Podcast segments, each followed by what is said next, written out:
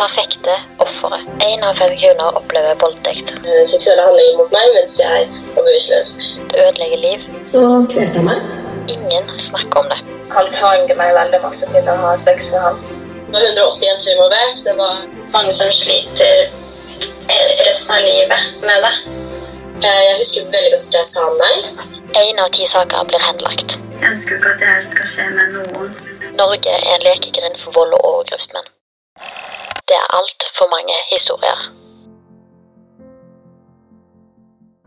Sjøl så er min familie en fosterfamilie og tatt dine barn inn i vår egen familie og gitt hun en ekstra familie.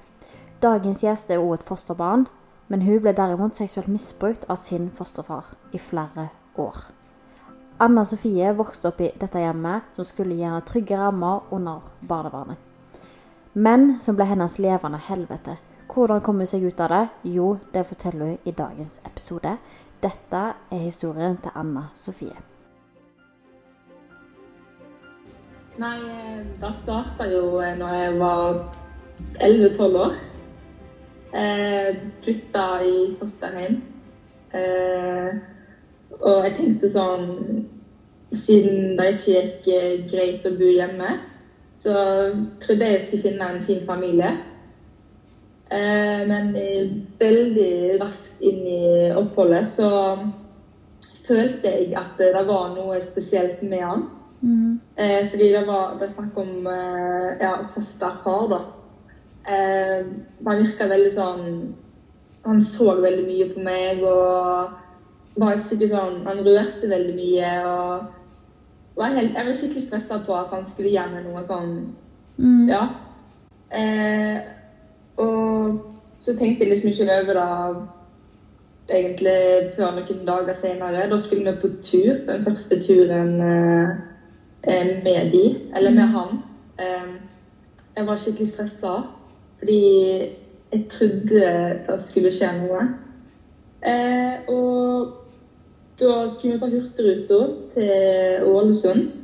Og plutselig på natta så kom han bort i senga mi og begynner å ta på meg og Først på liksom trusa, og så begynte han å gå unna. Eh, og jeg var livredd. Jeg tenkte sånn Hva fader er det som skjer nå? Jeg var liksom elleve år. Eh, Var du alene da? Liksom på et annet rom eller noe sånt, eller? Nei, vi hadde samme rom. Mm. Eh, Men det var to forskjellige senger, da. Det var sånn En seng her og en seng der, liksom. Mm. Og jeg var dritstressa tenkte sånn Hva faen skjer nå, liksom? Mm. Eh, jeg slo hånda vekk med en gang. Tenkte sånn Hva faen driver du med? Mm. Eh, og så bare stakk jeg ut, egentlig. Eh, ut av lugaren. Og bare tenkte sånn Jeg vil ikke gå inn der igjen, på en måte. Eh, og så sendte han jo melding eh, på telefonen bare sånn en liten stund etterpå. Kan du komme ned hit? Eh, kan vi bare glemme det som skjedde, liksom? Mm. Jeg tenkte sånn Hva skal jeg si til det? Jeg var liksom liten. Mm. Ja, ja, du er jo bare Eh. 11-12 år. Du er jo vet, Hva går du da? Sjette klasse? Ja, noe sånt. Ja. Og jeg ville jo liksom ikke Jeg ville bare dra hjem liksom og bare tenke sånn Fy faen, jeg eh, vil bare hjem. Eh, skal fosterforeldre være sånn som det er? Eh, så da sov jeg Og så la jeg meg i senga igjen når jeg kom inn igjen og tenkte sånn dette, Jeg gidder ikke å prate mer, så jeg bare tok dyna over hodet og bare la meg til å sove. Mm. Eh, og så kom han tilbake og gjorde det samme igjen. Han, hva er det du driver med? Han var vel sånn ja, 54-55 kanskje. Mm. Eh, og jeg sa Altså, jeg flytta meg bare ut. Ja. Da gikk jeg ut, og så spurte jeg kan jeg få et nytt rom.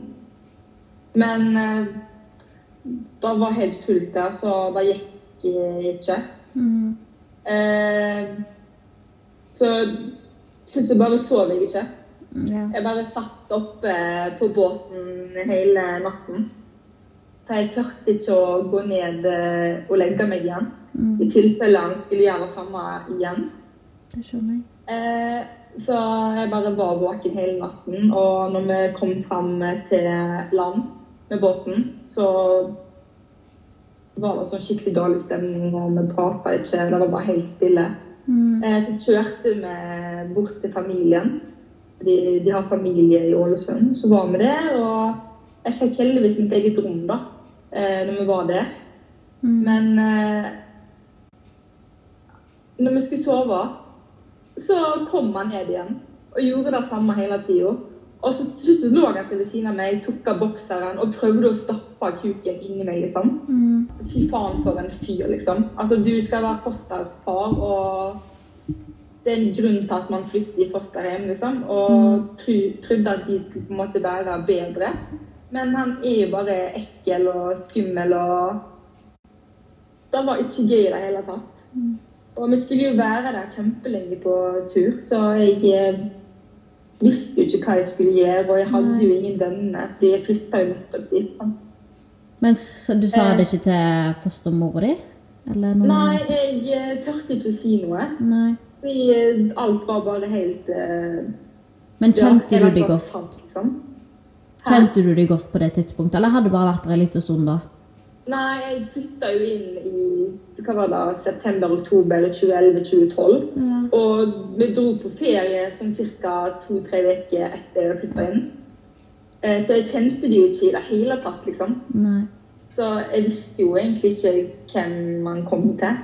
Men eh, man tenker jo at når man først flytter i en familie, så tror man jo det beste om dem, på en måte. Mm, og så tenker jeg sånn, når du på en måte kommer i fosterhjem nå, så vil du på en måte tro at barnebarnet har valgt noen ordentlige folk. Så du på en måte har litt Ja. tillit til det jo, sant?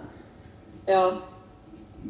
Eh, men eh, tydeligvis ikke. Så det har jo pågått eh, veldig lang tid. Og når man kom hjem igjen fra Ålesund, så hadde jo heldigvis mitt eget rom. Men eh, når man var på en måte helt alene, bare meg og han, Mm. så kom han alltid bort til meg, var veldig sånn Tok på meg og følte sitte seg ved sida av meg og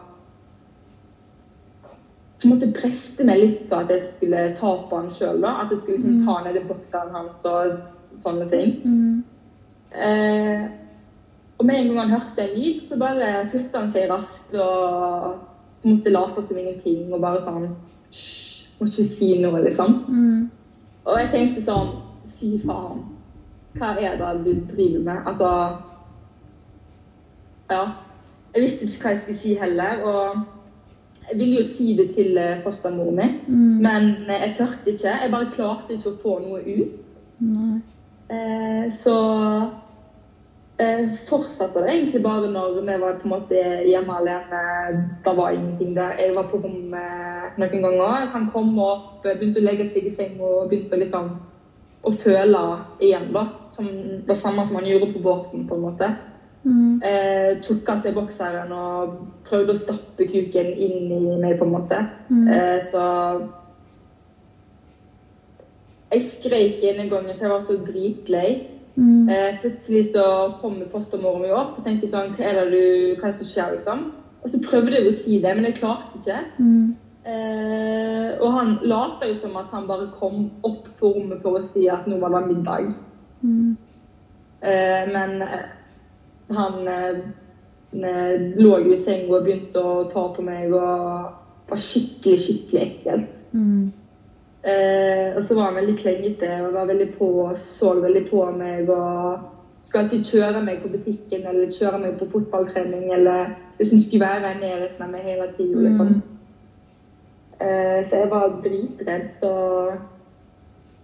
først så bare gikk jeg på trening, gikk på butikken. altså sånn, Jeg ville liksom ikke være i nærheten av han i det hele tatt. Nei, jeg skjønner. Eh, og så har det pågått sånn i mange år. for Jeg bodde jo i fosterhjemmet fra 2011-2012 til 2018. Da klarte jeg faktisk ikke, men å flytte, jeg. Eh, Og bodde du der så lenge? Uten at noen Ja. visste det?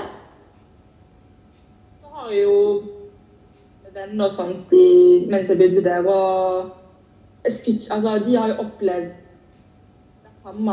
Altså, sånn, de har kommet på besøk til meg, han har vært veldig ekkel, vist porno, Mm. eh, hoppet i senga, tatt opp T-skjorta til venninna mi så han så magen og puppene hennes. Altså sånn Mm. Eh, man gjør ikke sånt på vennene mine, på en måte. Eh, så han så, viste oss jo porno ene gangen og hoppet i senga, ja, og skal alltid se på oss. Og Mm. uansett hvor vi var, så fulgte han etter oss og sånne ting. Mm. Eh, så de, visste, de ville ikke komme til meg engang eh, senere fordi at han var ekkel og de var dritredde. Ja. Eh, så de ville jo ikke komme på besøk lenger pga. det. Mm. Og da skjønner jeg jo veldig godt Ja. når han holder på sånn. Og de var jo ja, 12 år. 12-13. ja. Eh, vi var jo fortsatt barn, på en måte. Ja, dere er jo så Altså, dere har jo ikke kommet dere på ungdomsskolen engang. Dere er jo barn. Dere skal Ja. leke med Barbie og eh, Ja. sånne ting. Dere skal ikke holde og se på porno og sånne ting. Nei.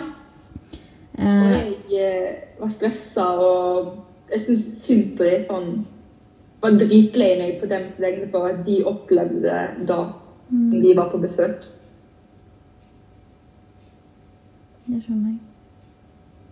Mm, Eh, var, du, ja. var du redd for hva de tenkte om deg? Siden Ja, jeg var jo da. Eh, og jeg har, sa jo ikke til dem at jeg hadde opplevd det eh, før mange år etterpå. Mm, Eh, fordi jeg var så redd for å ikke bli trudd, Mm. og fordi det er ganske alvorlig, disse tingene man opplever. Eh, sånn eh, Det er vanskelig å snakke med folk om det, vanskelig å liksom vite hva folk skal si, og det er bare vanskelig å bli trodd mm. uansett. Men siden Eh. du var under barnevernet, det hadde, hadde ikke de noen samtaler med deg om hvordan det var hjemme og sånne ting som det? Jo, Underveis? de kom jo på besøk innimellom og sånne ting, men jeg sa jo bare at alt var fint og alt var det.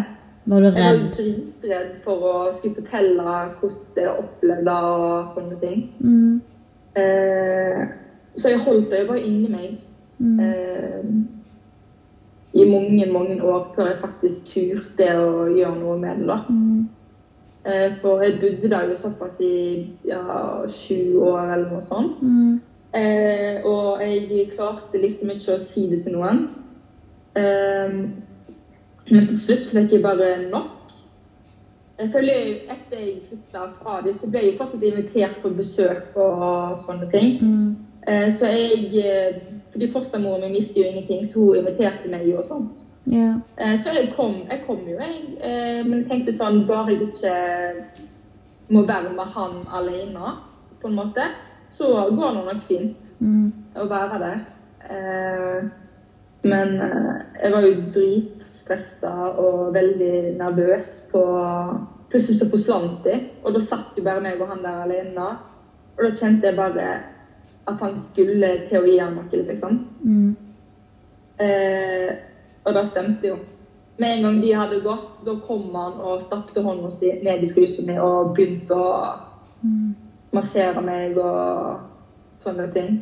Hvordan reagerte du når de tingene skjedde? Nei, altså, jeg ble jo dritredd. Jeg ble Ja. dritsint. Fordi jeg sa jo klart og tydelig til han når vi var på den båten at hva er det du driver med? Kan du seriøst slutte? Du er jo en ekkel pedo, sa jeg. Mm, Og jeg, eh, han begynte bare å le. bare sånn, ja, men det er bare tull, slapp av, og sånne ting. mm, Eh, så jeg reagerer på en veldig dårlig måte. Jeg blir dritredd og stressa og sint, og jeg vet liksom ikke hva jeg skal gjøre heller, på en måte. Jeg var jo helt alene om han. mm, Og jeg trua jo han masse med liksom, hvis ikke du skjerper deg, så får jeg til å anmelde deg og sånne ting. mm, Han tok ikke det seriøst i det hele tatt. Han begynte bare å le og Ja, sånne ting. mm, Eh, men til slutt så bare ga jeg egentlig faen. Jeg brøt kontakten med dem Mm. etter jeg flytta dit. Eh, og anmeldte saken. Vennene mine som opplevde dette her, fikk jeg endelig sagt det til. mm, Eh, de var kjempelei seg på mine vegne, og de hadde jo en mistanke på at han var veldig ekkel.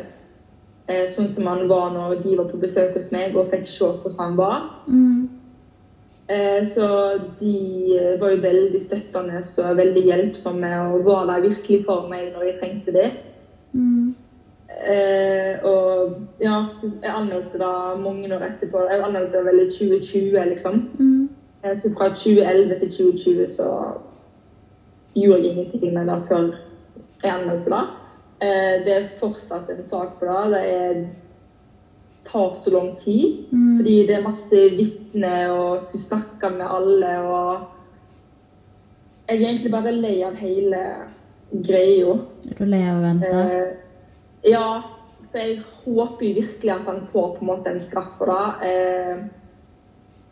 Jeg syns han fortjener det, virkelig. Mm. Eh, men selvfølgelig, det er jo vanskelig å bli trudd på. Eh, du må ha masse bevis. Altså Jeg syns det er dritvanskelig, så jeg er egentlig bare dritlei alt. Jeg er lei meg. Jeg tenker på det hele tida. Eh, jeg sliter veldig med liksom prate med folk, eh, møte folk. Jeg bare orker ikke at det skal skje med andre heller, fordi det er helt eh, Det er vondt. Ja. Og de som på en måte opplever sånne ting, det er veldig veldig synd på det. Altså, ingen fortjener det i det hele tatt. Nei, det gjør ikke det. Mm. Føler du deg trodd?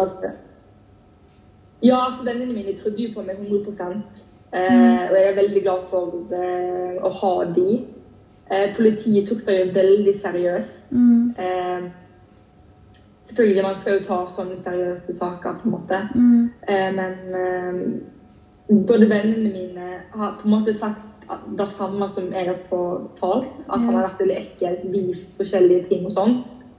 Så vi har på en måte veldig mange av den samme forklaringen. Eh, og har jo meldinger som han har skrevet til meg. Han sendte jo melding hva var det, i 2021 eller noe sånt, Mm. når han fikk visst at han ble anmeldt. Sendte han en melding sånn eh, Du kan få penger av meg hvis du eh, ja, sletter anmeldelsen, på en måte. Og jeg tenkte sånn Fy faen, han er så redd. Mm. Og jeg eh, Han vet jo godt sjøl hva han har gjort. Ja, han vet jo det, men han vil jo ikke at han har gjort det og sånne ting. Nei. Eh, han kommer aldri til å innrømme det. Nei, det tror ikke jeg heller. Sitter langt inne. Ja. Eh, for han vil liksom ikke få eh, dårlig, inn, eh, folk, ja, dårlig inntrykk av at folk skal hate han og sånn. Mm. Eh, og han ble jo innkalt til avhør. Eh, Fostermoren min fikk endelig vite det når politiet plutselig kom på døra. Hun visste ingenting. Mm. Eh, hun var dritlei seg. Både foster eh, De har hatt flere fosterunger før, så jeg er jo dritredd for at eh, de har opplevd det samme, på en måte. Mm. Eh, eller om man har gjort noe med barnebarna sine, eller sånne ting. Altså, Man vet jo aldri. Nei. Og når man på en måte først har en seksuell interesse mot barn, eh, og på en måte velger å handle på dem, så er det på en måte vanskelig å, eh, vil jeg tro da, eh, at hvis du først tråkker noen grenser der, så er det nok ikke siste gang eller første gang. Nei, det er jo da.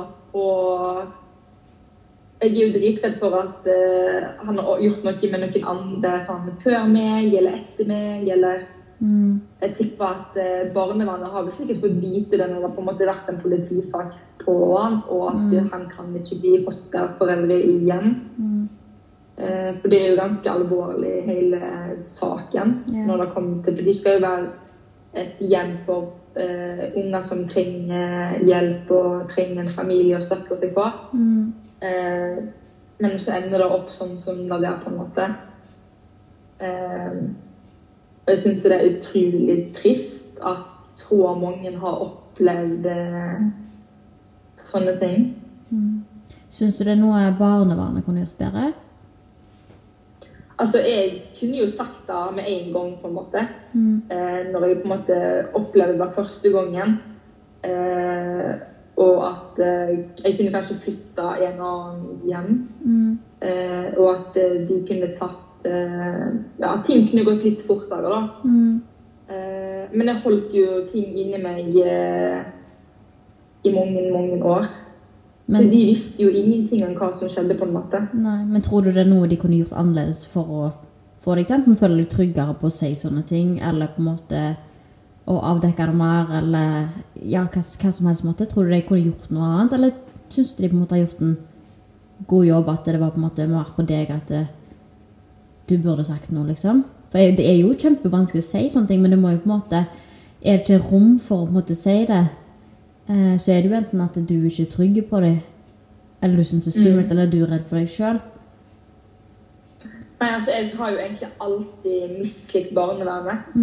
Eh, Så jeg har jo aldri tur til å snakke med dem om sånne ting. Mm. Fordi jeg er redd for at eh, de skal ikke tro på meg, eller at de skal gjøre ting verre, eller at de ikke gidder å gjøre noe i det hele tatt. Mm. Så jeg sa jo ingenting til dem fordi jeg var veldig usikker på dem.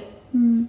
Eh, så hvis, ti, altså hvis jeg hadde likt de, altså Jeg tror de ville ha hjulpet meg uansett, på en måte, fordi det er jo en ganske alvorlig situasjon. Mm. Eh, Ja, jeg de vil bare jo bare barns beste. Ja, jeg spør jo bare fordi at jeg tenker hvis at noen i barnevernet hører på dette her, så er det jo på en måte det er jo veldig viktig å skape et rom for de som er i fosterhjem. For sånn som jeg, jeg vi har jo fosterbarn i min familie sjøl. Med fosterfamilie. Eh, og det er veldig viktig at de på en måte kan stole på barnevernet og komme til barnevernet med ting. fordi at eh, hvis det er noe som skjer innad i den familien de er inni oss, hvordan skal de ha muligheten til å si noe når det skjer der de skal skape et nytt liv som allerede er uttrykt fra før av? Se hvis du kommer deg som en tolvåring. Du har nett begynner å komme i puberteten, du har lyst til å teste grenser, og du kommer i en helt ny familie som ikke har noe til felles med deg, kanskje, eller ditt eller datt. Altså, det er jo vanskelig nok fra før av, og så i tillegg på toppen av kaka skal du bli utsatt for overgrep. Ja.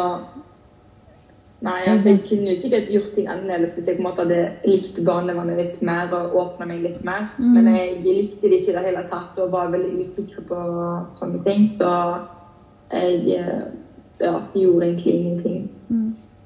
Og da syns jeg det er veldig kjipt, egentlig. Fordi barnevernet vil jo bare være der for å hjelpe deg og Mm.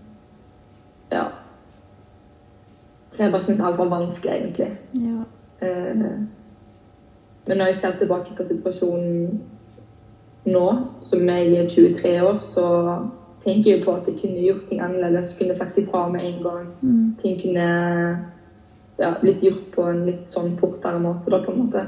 Mm. Eh, og at eh, ja, jeg kunne kanskje ha flytta til en ny gjeng eller noe sånt. Mm. Men eh, jeg klarte rett og slett ikke å si noe før mange, mange år etterpå. Nei. Hvem var det du sa det til? Var det politiet du gikk til? Eller? Eh, ja, ja.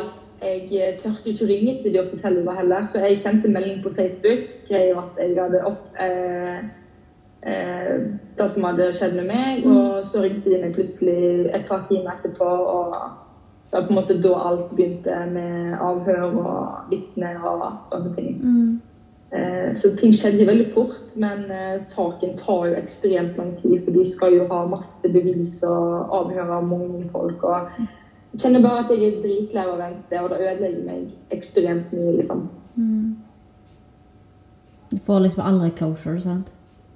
Ja, jeg tenker jo på det hele tida, selv om jeg ikke har lyst til det i det hele tatt. Vet du på en måte hvordan ting står nå? Nei, altså, Jeg venter fortsatt på svar. Det er fortsatt en sak. Han har jo ikke blitt avslutta ennå. Eh, Så du venter liksom jeg- på om han blir henlagt eller om han går videre til rettssak? på en måte? ja. Ja. Mm. Så det er liksom sånn, det er skikkelig nervepirrende. Så jeg er redd for at hvis han blir henlagt og at han ikke får en straff, så blir jeg skikkelig skikkelig lei meg. Ja. Eh, og at han bare får gå lykkelig videre på en måte, uten noe som helst. Mm. Eh, men jeg håper ikke at det blir rettssak heller, på en måte, fordi jeg vet ikke hvordan kroppen min takler det. Kroppen min takler ekstremt eh, lite etter alt som har skjedd. Mm. Eh, så jeg, jeg vil bare at det skal bli overstått, og at han får en straff. Og så kan jeg prøve å gå videre, men det er ikke så lett. Nei. Har du fått noe hjelp eh, sånn med mental helse og sånt i etterkant? Ja, altså Jeg har jo gått til psykolog Mm. God stund, og det har hjulpet litt. Men jeg syns det er vanskelig å åpne meg for nye mennesker. Mm.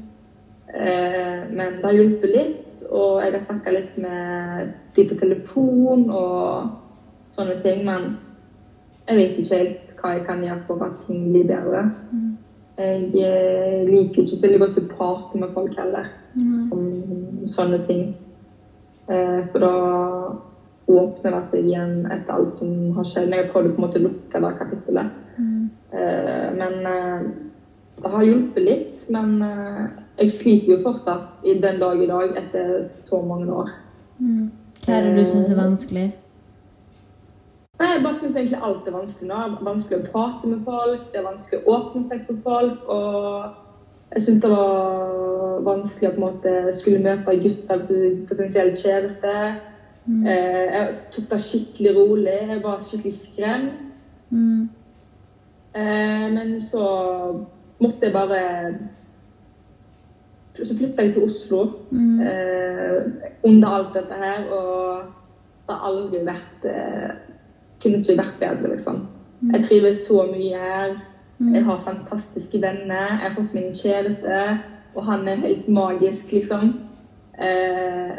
Og, og når jeg på en måte skal dra hjem til familien min på Stord, der jeg kommer fra, så er jeg så sykt redd for å møte dem. Eh, fordi Stord er ikke så stort, og mange kjenner alle. Eh, så jeg holder meg liksom mest i Oslo nå. Og ikke, jeg har ikke lyst til å se dem, fordi jeg vet ikke hvordan de kommer til å reagere. eller hvordan jeg kommer Ryan Reynolds here from Mint Mobile. With the price of just about everything going up during inflation, we thought we'd bring our prices down. So to help us, we brought in a reverse auctioneer, which is apparently a thing. Mint Mobile unlimited premium wireless. Ready to get 30, 30, bit to get 30, bit to get 20, 20, 20, bit to get 20, 20, bit to get 15, 15, 15, 15 just 15 bucks a month. So, Give it a try at mintmobile.com slash switch. $45 upfront for three months plus taxes and fees. Promo rate for new customers for limited time. Unlimited more than 40 gigabytes per month. Slows. Full terms at mintmobile.com. til å reagere. Eh, ja, jeg har det egentlig sykt vanskelig. Jeg sliter sykt mye med psyken og Ja. Jeg er bare dritlei av alt. Hvordan har forholdet til fostermora di? Eller har du noen kontakt med henne? Nei, jeg har ikke kontakt med noen av dem lenger. Ingen, eh, jeg kutta alt ut. eh, Eller jeg tror de kutta meg ut helt når jeg anmeldte saken, uten at de visste det. Har du Eh, følt Men jeg er egentlig glad for at jeg ikke har kontakt med deg, fordi jeg klarer liksom ikke å være nærheten dem lenger etter alt som har skjedd. Nei, jeg skjønner, jeg skjønner det veldig, veldig godt. Eh, Men har du følt at de på en måte har ikke trodd på deg, eller var sur på deg etter du anmeldte det? Ja, jeg er jo da. Mm.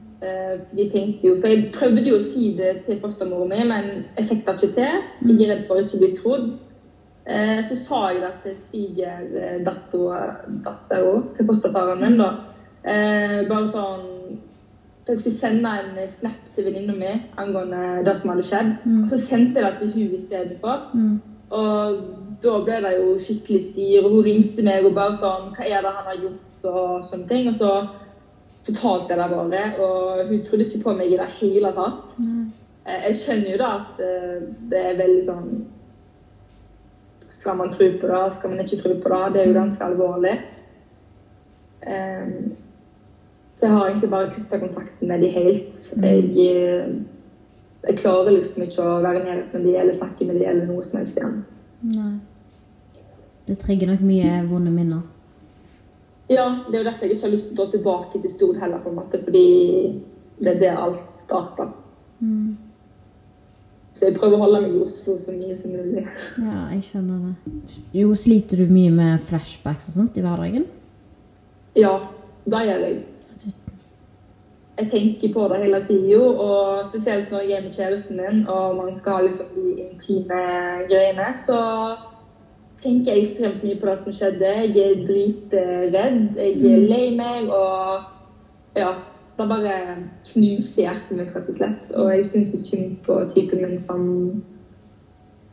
uh, ja, er sammen med meg, og jeg ikke klarer å på en måte via de tingene han vil. Eh, men han har støtta meg 100% og han er bare snill og god, og han skjønner meg veldig godt, så vi tar jo ting veldig rolig. Snakker dere mye om det? Nei, egentlig ikke. Nei. Eh, nei, vi prater ikke om det egentlig, fordi det er så sårt. Og han ble jo dritlei seg da jeg fortalte det til han. Og hun prøver liksom bare å ikke prate om det i det hele tatt, men av og til så kommer det bare av seg sjøl. Så Nei, jeg har det dritvanskelig om dagen. Tenker på det hele tida. Jeg eh, ja, har skikkelig dårlig selvbilde, syke, alt, egentlig. Hvordan syns du det var å være i avhør med politiet? Syns du det var vanskelig? Jeg syns det var dritskummelt. Ja. eh, For det første, jeg hater politiet. Jeg syns de er skumle. Mm. Eh, Så jeg var dritstressa. Eh, Men på en måte så var det litt fint òg å fortelle det til dem. Mm. Eh, Men da var egentlig òg veldig dritt å skulle på en måte ramse opp alt som har skjedd. Eh, Da ble det veldig vondt for meg. Og på en måte bli påminnet ok, han har faktisk gjort det. Og det var skikkelig vondt å skulle ja, egentlig snakke om det, rett og slett. Eh, Men det var fint. Eh, Ble ferdig med det. Og heldigvis måtte jeg ikke komme tilbake og fortelle mer. De fikk liksom alt på en dag. Ja. Eh, Så jeg er veldig fornøyd med det. Men eh, jeg syns det var dritskummelt å åpne meg politiet. Jeg har aldri likt politiet, så Mm. ja. Det var veldig tøft. Men jeg klarte det etter om og men. Det er bra. Så du, du trengte bare ett avhør, da, så du slapp, slapp av flere iallfall? Ja. Og så fikk jo vennene mine òg bli innkalt til avhør og sånne ting. Eh, Jeg syns det er veldig synd på de òg. Men eh, de har vært veldig flinke og støtta meg. Og jeg er så sykt glad for at jeg har de som venner. Er det de samme som måtte være på besøk hos deg når du var yngre? Ja, det var de jeg på en måte ble kjent med da jeg flyttet til fosterhjemmet. Og jeg sa for takknemlig for at vi fortsatt er venner den dag i dag. Eh, så jeg er veldig takknemlig for dem, rett og slett. Veldig fint. De har vært så gode og snille og Men så forstår de deg nok veldig godt òg, siden de på en måte har eh, opplevd sitt når de har vært der. Så klarer de nok å forstå det og tro det på en helt annen måte, fordi de har sett det med sine egne øyne. Ja. Men jeg syns det er veldig trist at de òg har opplevd sånne ting da, i en alder av 11-12 år. Mm. Eh, så jeg unner jo ingen i det hele tatt. Uansett min verste fiende unner jo sånne ting. Eh, så det er jo helt sjukt at faktisk det er så mange som har opplevd det. Mm. Det det. Eh, Men så kom jeg på en ting òg. Det var liksom når jeg bodde i fosterhjemmet, så har jo fosterforeldrene mine tre unger. De er jo ganske voksne nå. Men jeg kom på at en ene sønnen deres har jo sendt melding til meg eh, og spurte om jeg kunne sende sånn video der jeg på en måte tar på meg sjøl og eh, sånne ting. Mm.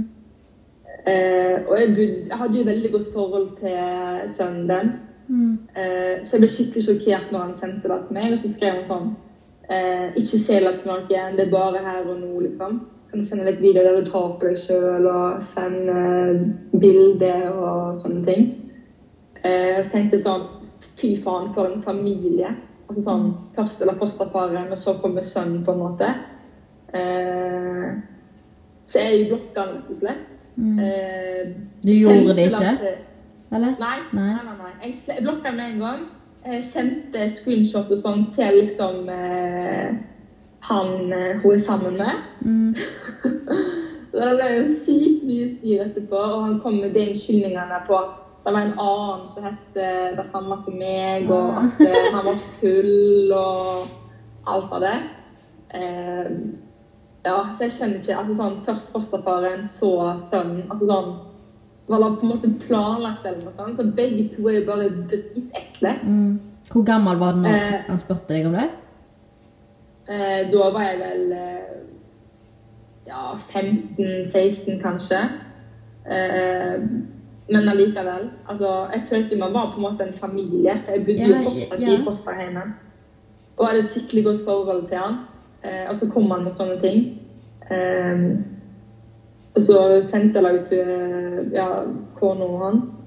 Og alt ble bare skikkelig dårlig etterpå. Eh, og så kom jo de på besøk og sånt eh, til eh, oss. Mm. Eh, og da på en måte var det ingen snakking med hverandre, og vi så ikke på hverandre engang. Eh, jeg bare tenkte sånn Fy faen, for et hus jeg har kommet i. Altså, folkene er jo bare nasty. Mm. Eh, så jeg har ingen forhold til de i dag.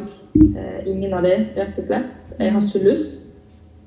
Eh, ja, jeg har det litt fint, litt bedre, men jeg har det helt jævlig òg, egentlig. For jeg tenker på det hele tida og vil bare få det overstått. Eh, og i tillegg til det så hadde de jo òg en eh, annen fosterunge mens jeg bodde der. Mm. Um, jeg tenkte sånn Han virka jo hyggelig, han, og fikk et greit forhold til han, på en måte. Eh, men eh, plutselig så det helt. Altså, jeg tenkte sånn Fy faen, skjer det noe nytt nå? Mm. Ja, hva gjorde det? Han satt, jeg satt i sofaen, så på TV. Han, eh, sønnen kom, eller fosterungen kom bort, satte seg i sofaen, begynte å ta seg ned i bokseren og runke seg sjøl. Og så tok han andre hånda si under trusa mi. Hæ? Eh, og det var Vent, liksom post... vent, det var fosterungen. Ja, han som bodde der samtidig som meg. Så da har jeg vært tre mennesker. som har gjort Men hvor gammel var han? Eh, han eh, Hva er det da? Han er 98, eh, så da var han vel to år eldre. Ja, sånn 14 Jeg husker ikke hvor gammel jeg var når han gjorde det, men det var ganske starten av når jeg flytta inn dit, faktisk. Jeg tror han var 14 eller noe sånt.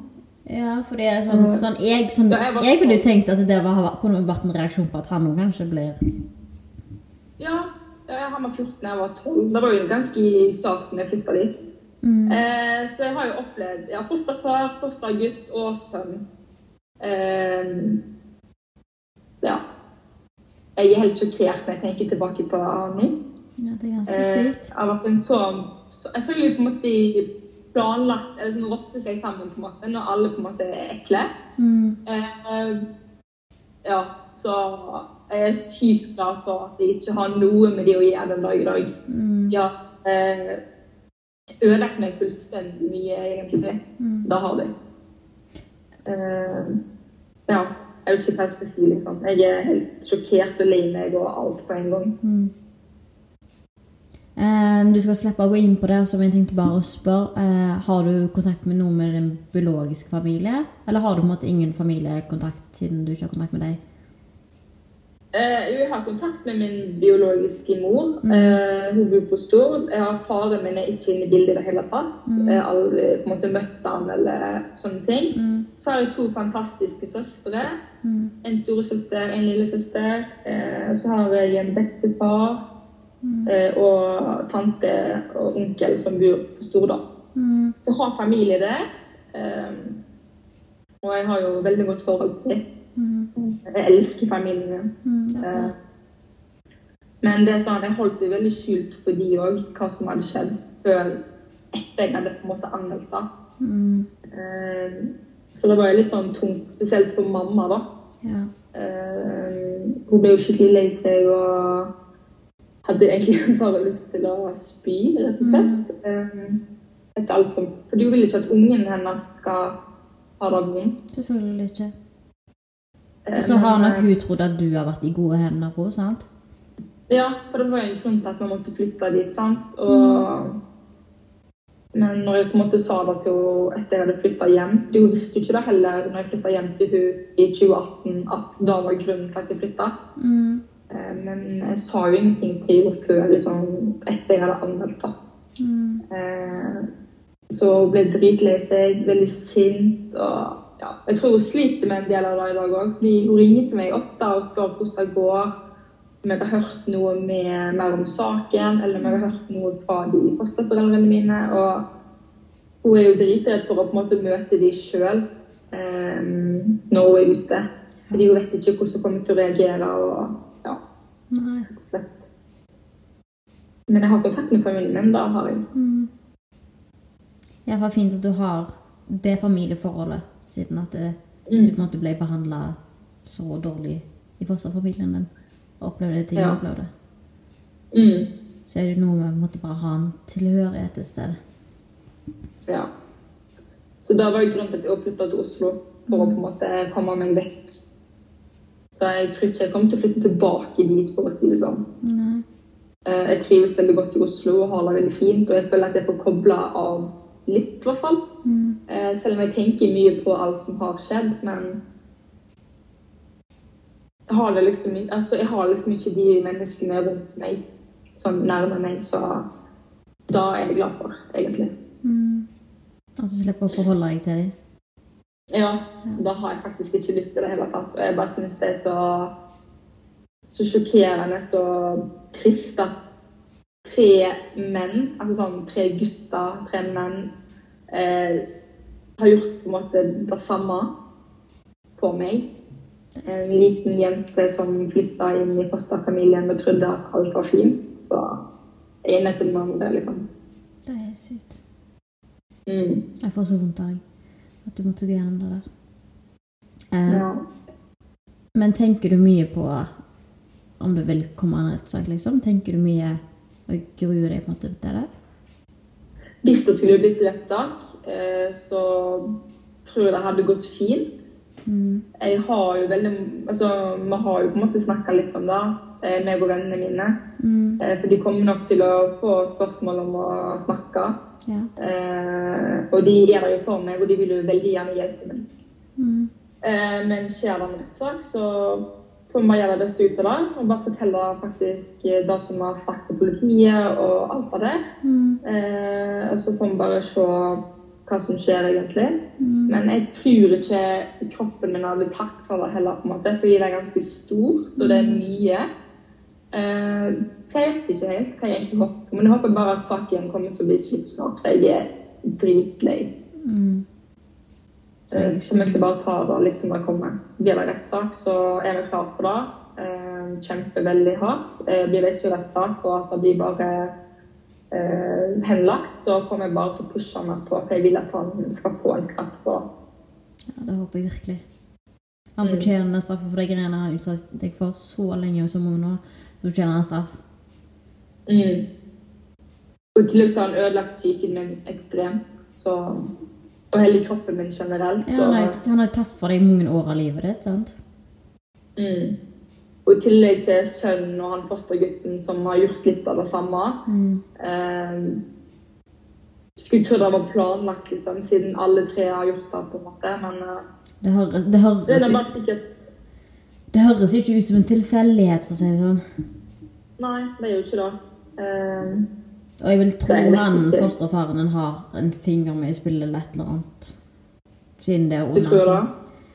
Jeg, altså, jeg, jeg tenker sånn, når jeg på en måte har, har Mm. hørt hvordan pedofili funker og disse tingene her, så høres det ut som de på en måte har vært et offer sjøl. Men fordi ofte når mannfolk er offer, så har de større sannsynlighet for å bli overgripere sjøl òg. Ja. Eh, men at alle tre skulle gjøre det samme og nesten, er jo helt Ja. sykt, egentlig. Å sende meldinger og gjøre det samme og ta på meg og ta på seg sjøl mens de tar på meg, og det er bare Det er bare helt for jævlig, rett og slett. Det- Eh, så jeg håper at jeg aldri får se det igjen. Kanskje jeg bare skal bo i Oslo for alltid. Ja, hvorfor Eller ikke? flytte til flytte langt vekk. Jeg slipper å se de igjen. Ja, hvorfor Det ikke? vil jeg faktisk ikke. Det har ødelagt så mye, og Du fortjener Ja, å ta bare- livet ditt tilbake. jeg vil Altså, jeg skulle ønske at jeg kunne mm, få en så mye bedre fosterfamilie um, før. Mm. Um, men um, ja. Altså, jeg bodde jo i tre forskjellige før jeg flytta til den siste. Mm. Eh, og de var kjempesnille og sånne ting, men eh, så var det egentlig bare da de ikke kunne ha meg lenger. Mm. Eh, det var liksom ingen grunn for det, men de bare kunne ikke ha meg lenger. Så flytta jeg fra en ny fosterfamilie til ny og ny og ny. Men jeg har på en måte aldri ut noe eh, ut eh, Jeg har aldri opplevd eh, noe sånt før den siste fosterfamilien min, når på en måte alt skjedde.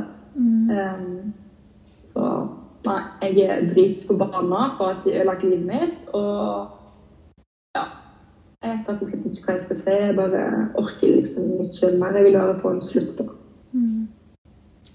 Jeg, jeg håper og tror at du vil få en rettferdighet til slutt, uansett om det tar lang tid. Og jeg tenker vi får tenke sånn at det tar lang tid fordi at de etterforsker eller ser på det, eller Ja, Vi får håpe at det er en, en positiv grunn til at de, de bruker så lang tid som de gjør, og faktisk gjør det skikkelig. For det, det er jo ikke alle som får en rettferdighet i sånne saker. Så jeg håper jo virkelig at du får det. henlagt. Mm, det er det. På grunn av de har lite bevis og sånne ting. Og det er veldig viktig, altså, det er ganske alvorlig, så det er veldig viktig liksom eh, få masse bevis og alt det der. Eh, Jeg får bare vente, men eh, jeg er dritlei og Jeg vet ikke hvor lenge på en måte jeg orker, orker mer. Mm, og det var en periode etter alt som hadde skjedd med både politisaken og alt som hadde skjedd i fosterhjemmet, så var kroppen min helt ferdig. Altså, det var sånn Det føltes ut som at jeg ikke klarte å leve mer. på en måte. Jeg visste ikke hvor jeg skulle gjøre av meg. Jeg hadde ingen rundt meg, og jeg var helt alene. Mm. så det var sånn, jeg hadde en periode der jeg tenkte sånn Jeg orker ikke å leve mer, liksom. Eh, så så mye har egentlig alt ødelagt. Eh, så jeg vil egentlig bare nå får du avstått og bare komme meg videre før det blir for sent. Det er jo retraumatiserende å gå gjennom en politisak og en straffesak og en anmeldelse. Fordi du må jo gå gjennom det et par ganger. Mm. Det er sant, men uh, det tar så lang tid, og jeg kjenner da at jeg snart ikke å vente mer. Nei, jeg skjønner det. Jeg skjønner at det er tøft å vente. Og konstant vente på svar. Og når du våkner, er det dag i dagene, er det i morgen? At du aldri på en måte Ja. vet det. Mm. Så eh, bare ta inn om gangen. Jeg har venner jeg prater med hver dag. Eh, familie, eh, kjæresten min og ja. Får bare stå i det. Ja, det er veldig bra. Men jeg har veldig gode folk rundt meg som støtter meg og er der for meg, så jeg har det bra. Men jeg har det òg vanskelig. Mm. Og det forstår jeg jo. Og du har lov å ha det vanskelig, for du har opplevd ganske mye. Så det er veldig Jeg bare skulle ikke trodd at det skulle skje i en fosterfamilie, på en måte. Nei. Det burde jo ikke, det burde jo ikke gå an. Nei. Det skal ikke skje i det hele tatt, uansett om man er på fosterfamilie eller vanlig familie. eller sånne ting, Men fosterfamilie skal jo være en trygg plass eh, når ikke foreldrene på en måte kan ta vare på deg. Eller sånne ting. Mm. Eh, og så skjer disse tingene. Og er bare- burde jo ha kontroll på hvem de setter som fosterfamilie. Ja. Det er sant. Men jeg tror ikke de hadde altså, De har jo vært fosterfamilie før, og Mm. før jeg kom. Og det har jo ikke vært noe sånn med de før, men plutselig når jeg kommer inn, så skjer alt. Mm. Så jeg bare håper at uh, de kan jo ikke være fosterfamilie lenger, rett og slett. Eh, men jeg er bare redd for at det har skjedd noe med flere. Mm. eh, eller om det har skjedd noe med barnebarna, eller Mm. ja. Det vil du finne ut av da, hvis at det går videre. Og det er nok noe politiet vil sjekke opp i med barnevernet, f.eks. om det er noe som har skjedd tidligere. Mm. For jeg vil jo tro at de tenker det samme.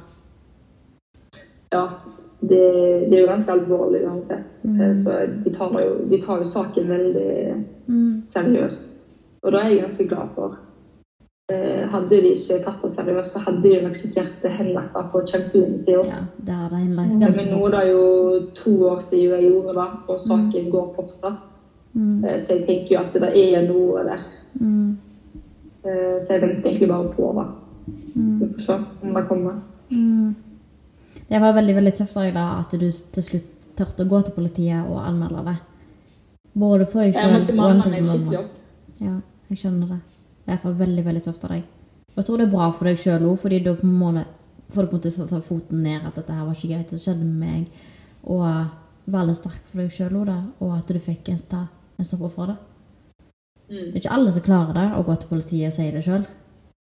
Jeg klarte ikke det. Altså, jeg, nei. Eh, det er jo utrolig vanskelig. Mm. Eh, men eh, jeg vurderte jo egentlig å eh, spørre Eller få hjelp av vennene mine eller familie. Eh, men jeg tenkte sånn Jeg må bare gjøre det eh, alene. Prøve i hvert fall. Eh, så klarte jeg det til slutt, heldigvis. Mm. Så jeg er glad for det nå. Mm. Men jeg kunne gjort det mye, mye tidligere. Sånn at ting hadde kanskje gått litt fortere, og kanskje jeg hadde flytta fosterhjem eller et eller annet sånt. Mm. Istedenfor å bo der i samme i sju år og fortsatt eh, oppleve ting. Ja, jeg skjønner.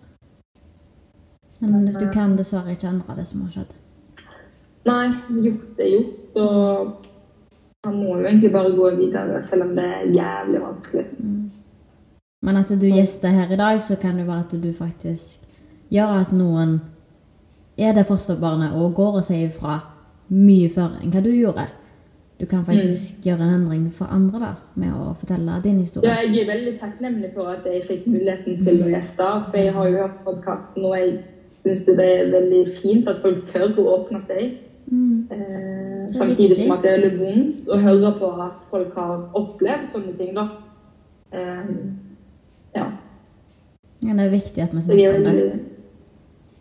jeg er veldig fornøyd at jeg fikk muligheten, og veldig stolt av meg selv at jeg faktisk klarte det. Jeg var veldig stressa og nervøs. og Du burde vært kjempestolt av deg sjøl. ja, jeg er veldig fornøyd. Så hvis du ikke har mer på hjertet, så vil jeg bare si tusen, tusen takk for at du ville gjeste. Tusen takk for at jeg fikk lov. Og det er veldig veldig modig av deg, og jeg tror det er mange som lytter til stemmen din og trenger å høre stemmen din, og historien din er viktig. Fordi du har opplevd noe urettferdighet, men du kan bruke den for å hjelpe andre med å få sin rettferdighet. Og eh, det er så viktig at vi snakker om disse tingene her, og faktisk forteller at det, dette tingene skjer i familien, dette tingene skjer med en onkel, dette her skjer med en fostersønn, dette her skjer i all, all, Det kan skje med alle. Uansett hvem man er. Uansett om du er mann eller dame. Eller sånn. Det skjer med absolutt alle. Det gjør det. Uh, mm. Og det er så viktig at vi prater om det. Så tusen, tusen takk. Tusen takk sjøl.